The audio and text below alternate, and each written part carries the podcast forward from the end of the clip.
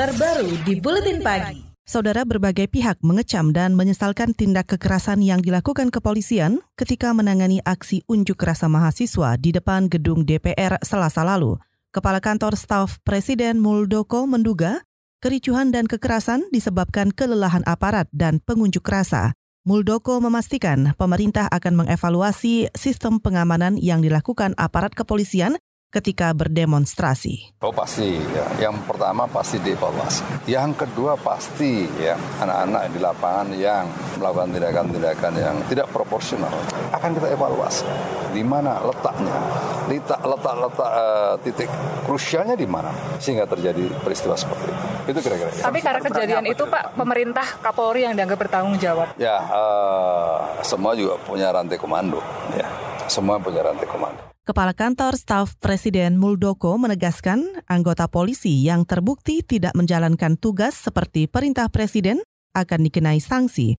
Tapi Muldoko tidak merinci jenis sanksi yang ia maksud.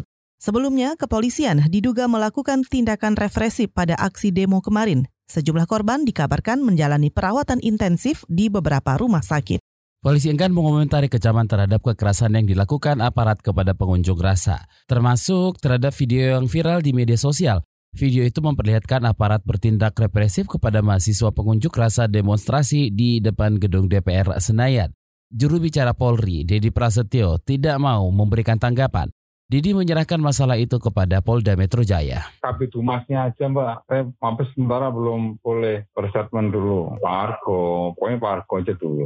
Itu tadi juru bicara Polri Dedi Prasetyo. Hingga tadi malam telepon seluler juru bicara Polda Metro Jaya Argo Yuwono juga tidak kunjung merespon panggilan. Namun polisi diperkirakan tidak akan memberi sanksi kepada aparat kepolisian yang bertindak keras terhadap demonstran. Pengamat militer dari lembaga ISIS Hairul Fahmi mengatakan tindakan aparat di lapangan berdasarkan perintah atasan masing-masing. Sulit ya berharap uh, kita mendapatkan evaluasi yang objektif dari Polri uh, secara internal ya dalam mengungkap apa yang terjadi uh, kemarin. Ya memang harusnya yang bertanggung jawab pimpinan ya dalam situasi seperti itu uh, tidak boleh ada perin, apa namanya ada uh, inisiatif semua harus bergerak di bawah arahan di bawah di bawah komando. Pengamat militer Hairul Fahmi menyarankan agar masyarakat, terutama korban, menempuh jalur hukum dengan melalui pengumpulan fakta dan data dugaan pelanggaran yang dilakukan aparat kepolisian. Hairul mengatakan, kecaman tidak hanya terhadap perilaku kekerasan aparat, tapi juga pada penggunaan gas air mata yang mestinya tidak perlu digunakan. Sedikitnya 20 organisasi masyarakat bergabung dan membentuk tim advokasi untuk membela para korban tindakan represif aparat keamanan dalam aksi unjuk rasa.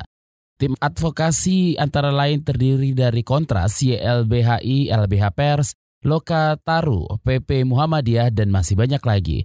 Menurut Direktur LBH Jakarta Arif Maulana mengatakan akan menuntut tanggung jawab aparat melalui jalur hukum masa aksinya ratusan ribu loh. Ya kan?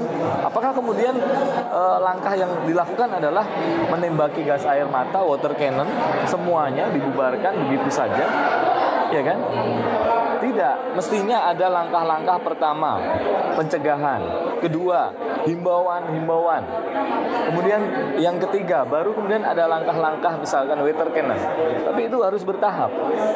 Sebaiknya bertahap dan kemudian tidak dilakukan dengan uh, apa ya, emosional dengan itu tadi Direktur LBH Jakarta Arif Maulana. Sementara itu Ketua Yayasan Lembaga Bantuan Hukum Indonesia Asfinawati mendesak Presiden Joko Widodo menegur Kapolri Tito Karnavian atas tindakan kekerasan itu. Asfinawati juga menilai tindakan represif seolah jadi standar operasional kepolisian ketika membubarkan aksi unjuk rasa.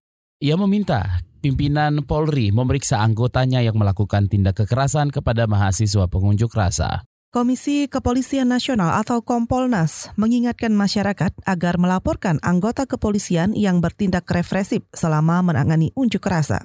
Anggota Kompolnas, Dede Farhan, mengatakan laporan pengaduan itu bisa ditujukan ke Divisi Profesi dan Pengamanan atau Propam Mabes Polri.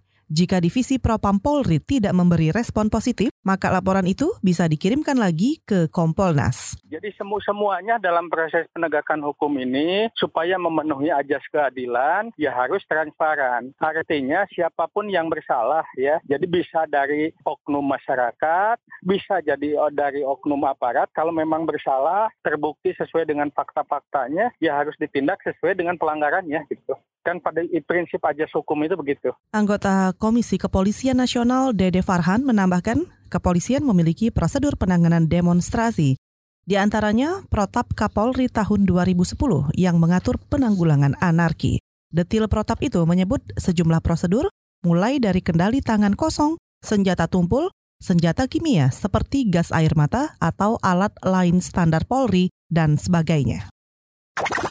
KBR, inspiratif, terpercaya.